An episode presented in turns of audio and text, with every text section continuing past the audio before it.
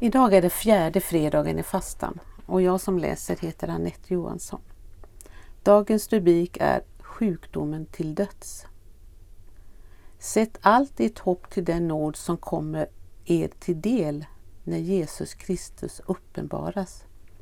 Från första Petrusbrevet 1 och 13.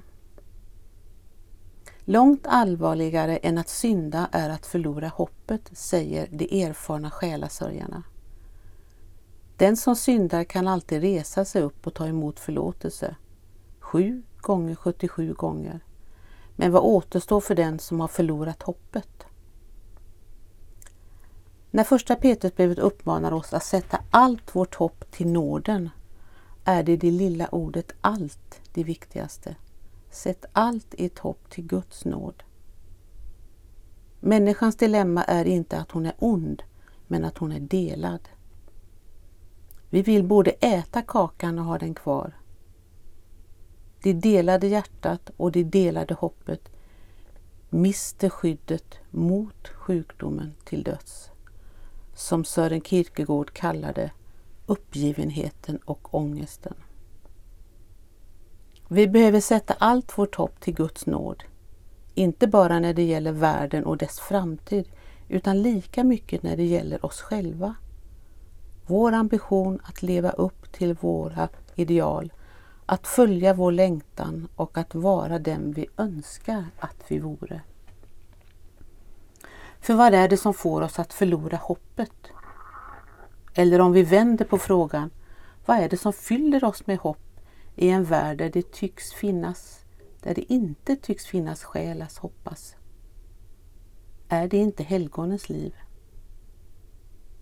Det måste finnas skäl att hoppas som går att se och ta på. Därför är berättelserna om trons vittnen så hoppfulla. Här reflekteras heligheten genom människor som avstod från att söka hämnd. Som lät bli att hysa vrede, förakt och bitterhet. Som undvek att döma och förtala. Människor som vandrade med Gud som den äldsta formen av fromhet beskrivs i Bibeln. De hade inte bara lärt känna Guds lagar, de hade lärt känna Guds vägar. Men helgonen är inte människor som befrias från behovet av att gå till bikt.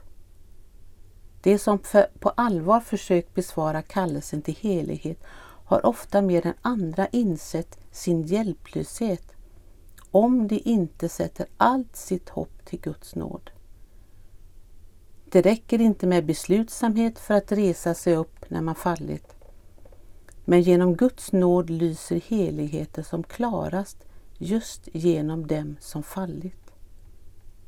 Till hopp för världen och för oss själva när sjukdomen till döds vill dra oss ned i sitt mörker. Vi förenas i bön. Gud Fader, du inbjuder oss till en framtid full av nåd och barmhärtighet. Men inte på våra villkor utan på dina. Hjälp oss att leva i tacksägelse och lovsång. Förvissade om att du går med oss mot den framtiden. Amen.